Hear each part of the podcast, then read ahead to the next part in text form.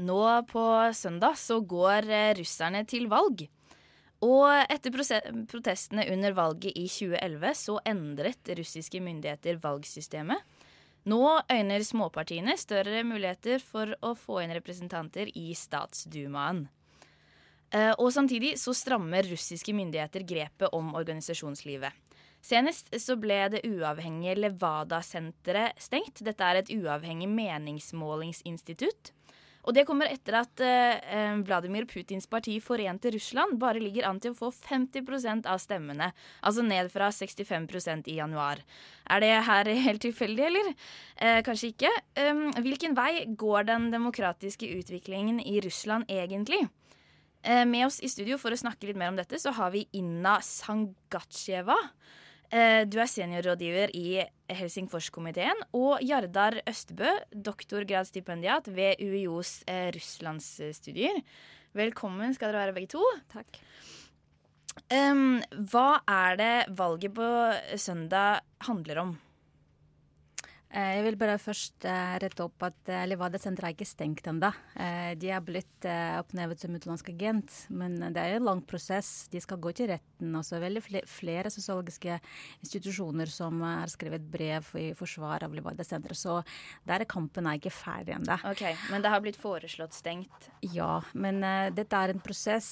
Også på lista av utenlandske agenter, så i dag har vi rundt 144 organisasjoner, og veldig, de fleste av dem fungerer fortsatt. Så det er bare to-tre organisasjoner som blir faktisk stengt. Så der er det kamp og eh, valg faktisk bringer ganske mm, også en, en del muligheter, særlig for eh, representanter for opposisjonspartiene, som representert ved Ja-blokka og Parnas. Eh, men også noen eh, eh politikere eller Eh, de som nominerer seg eh, gjennom en, eh, enkeltmannskretser. Så dette er en mulighet på den ene siden. På den andre siden så du har, du har helt rett at etter valget i 2011 så protestene da så ble valgloven på en måte liberalisert. Men hvis, hvis vi ser nøye på selve valgen, altså den, den loven, valgloven, så ser vi at det at i, i forrige valg så var det syv partier som kunne delta. Mm. Nå eh, kunne 74, eh, 74, partier delta, men nå er det bare 14 som faktisk er registrert. Eh, eh så Eh, og, og, du har også helt rett. Det er på en måte begge deler. Det er både en slags liberalisering, men på den andre siden også ganske strenge regler. Altså det er myndighetene som bestemmer alt. Altså dato for valget, eh, hvordan det skal skje, hvem, hvem, og hvordan. Også, dette er veldig strenge. Også dette med å observere valg er også blitt mye mye strengere for eh, organisasjoner. Okay, men hvilken reell mulighet har disse 14 partiene, var det det du sa, ja. til å komme inn i statsdumaen? Eh, det er en tvil om de opposisjonspartiene faktisk kommer inn eh, også om, om Parnas og Jabloko klarer å, å, få 5 Det er jo eh, den grensen for å komme inn. Mm. Men på den andre siden, vi har jo, jo eh, eh altså, kjente politikere som f.eks. Dmitrij Gutkov, som er den eneste opposisjonspolitikeren nå i dag i Duma. Eh, vi har eh, Vladimir Rysjkov, som også representerer Jabloko osv. De er ganske kjente og har vært i politikken lenge. De har muligheter. Og igjen, per i dag, så, så forrige eh, sjette Duma, der var bare Gutkov som representerte en uavhengig. Altså, han var en uavhengig politiker. Etter valget så kan vi ha flere. Og det er også positivt. Ok, Men det er altså ikke Vladimir Putin som, stiller, som står til valg?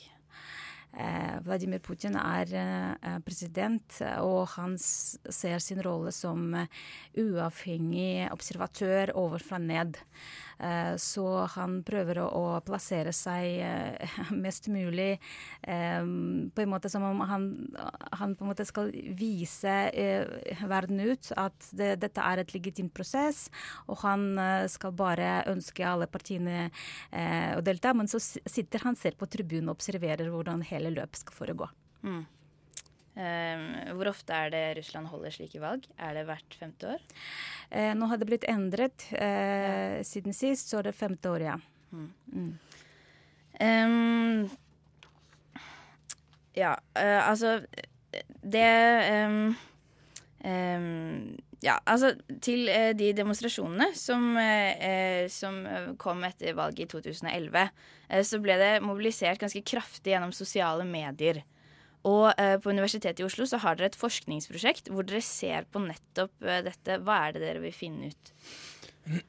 Ja, det prosjektet har nå foregått i uh, ca. to uh, år. Um, og da er det da uh, særlig jeg som driver på heltid på dette prosjektet. Postdoktor, da, ikke stipendiat. Um, og i tillegg prosjektleder Geir Flikke, som er førsteamanuensis i Russlands studier. Um, særlig vi to som studerer sosiale medier, hvordan det har blitt brukt av protestbevegelsen. Um, det er jo en sånn debatt da om uh, internasjonalt uh, blant de som studerer både ja, demokratisering, protestbevegelser, uh, og de som studerer um, internett og sosiale medier generelt, om altså virker, virker dette demokratiserende? Altså tilgang på sosiale medier. hvem stiller sterkest? Stiller det grasrotbevegelser, sosiale bevegelser? Um, opposisjon osv. Stiller de eh, Er det de som stiller med de sterkeste kortene, eller er det eh, kan du si de som allerede har makt, autoritære eh, regimer osv. Så, videre. så vi fokuserer da på Russland. Um, og um, det som foreløpig, kan man si, har vært et funn, det bygger jo da på at Altså det har, vært påpekt fra internasjonale forskere uh, at Eh, og analytikere, og til og med også da deltakere i, i disse protestbevegelsene, at eh, det russiske regimet var ganske flinke til å, å snu på eh, femøringen på en måte, da disse protestene eh, oppsto eh, i 2011 og, og fortsatt utover 2012. Um, og at de har truffet en, en rekke til, tiltak for å Eh, si, gjør det vanskeligere å mobilisere via sosiale medier. Men det, det vi også har funnet ut, eh, det vi har funnet ut via case studio og sånn, er at Eh, opposisjonen er, har også en hel del problemer. Den liberale opposisjonen eh, har også en hel del problemer med hvordan den fremstiller seg selv eh, og sine demonstrasjoner. hva de vil, hva som er galt i dag. de har problemer med å fremstille det på en måte som appellerer til utover de kan du si, urbane, liberale sirklene som eh, deltok i disse store eh, demonstrasjonene mm, for fem år siden.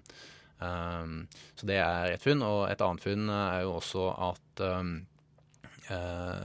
regimet og eh, organisasjoner som støtter regimet, delvis eh, da kontrollert av regimet, de også, har også en I tillegg til at uh, Eh, man opererer med hackere og nettroll osv., så sånn profesjonelt ansatte, så er det også da legitime organisasjoner som eh, jobber aktivt for å, eh, for å demobilisere, da, sånn at folk helst ikke skal bruke sosiale medier til og de skal, de skal ikke ut på gatene. Folk skal helst sitte hjemme, se på TV, Mm. og er fornøyd med det. Ja, for hvordan står det egentlig til med opposisjonen i Russland? Altså, det er jo i, i fjor vinter så var jo den, eller den uh, Boris Nemtsov uh, fra partiet Parnas, som var opposisjonelt til uh, Putin, ble jo skutt og drept rett ved Kreml. Er det mange som tør å, og vise tydelig at man er uenig i regimet?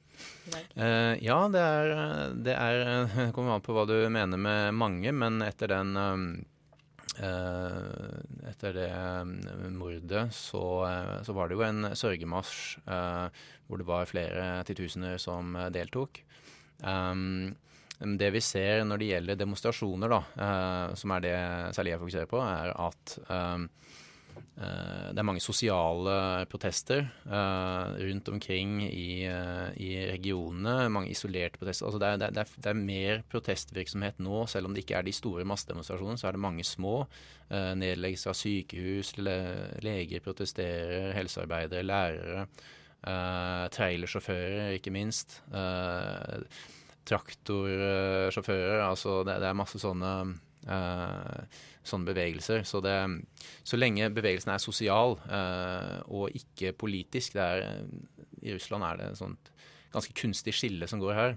Mm. Um, for hvis noe er politisk, så er det liksom farlig. Uh, uh, og da Det er noe sånn skittent som bare profesjonelle politikere skal ta seg av. Jeg har liksom ikke den den linken mellom det, det hullet i veien som man ødelegger bilen sin på hver uh, morgen, uh, det er politikk. Det er, det er sånn som uh, opposisjonsleder Aleksej Navalnyj prøver å, prøver å, å lage da, denne, denne, forbindelsen, men fortsatt, fortsatt, vanskelig å gjøre det. Så det er sånn sosial protest det er legitimt. Da, så appellerer de gjerne til Putin da, mot regjeringen, selv om Hmm. Den er Så man ønsker egentlig ikke å si at man er engasjert i politikk eller politiske spørsmål fordi det er litt skittent? Eh, ja, det er en, en, en veldig vanlig oppfatning uh, utenfor da, de få aktive uh, eller politiske aktivister. Da. Ok, Men tilbake til de som faktisk ønsker å være profesjonelle politikere. eller Hvis vi får inn noen flere småpartier nå i statsdumaen i Russland, hvilke følger kan det potensielt få? Um, jeg vil bare se kort også hva posisjonen i Russland. Uh, kjapt. Altså, du har systemopposisjon og ikke-systemopposisjon. Altså, systemopposisjon er de som sitter i Duma. Er kommunistene, LGBT, um, Zjirinovskij parti og Rettferdighets-Russland, men de er i systemposisjon. De er stort sett er samme, representerer samme politikk som Forent Russland. Og så har de jo ikke systemposisjon, eh, og den også deles i forskjellige bulker. Du har bulken som stiller til valget, og du har bulken som ikke stiller til valget.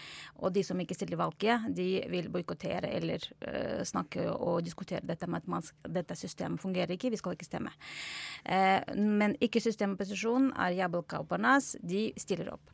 Så svaret på ditt spørsmål, er på den ene siden, ja ja, eh, Jablka Parnas har små sjanser. Eh, hvis de kommer inn eh, gjennom enkeltmannskretser, så er det mulig for dem å danne allianser internt. Det er mulig for dem å, å, også å representere og påvirke lokale representative eh, velgere regionalt. Russland er stort land.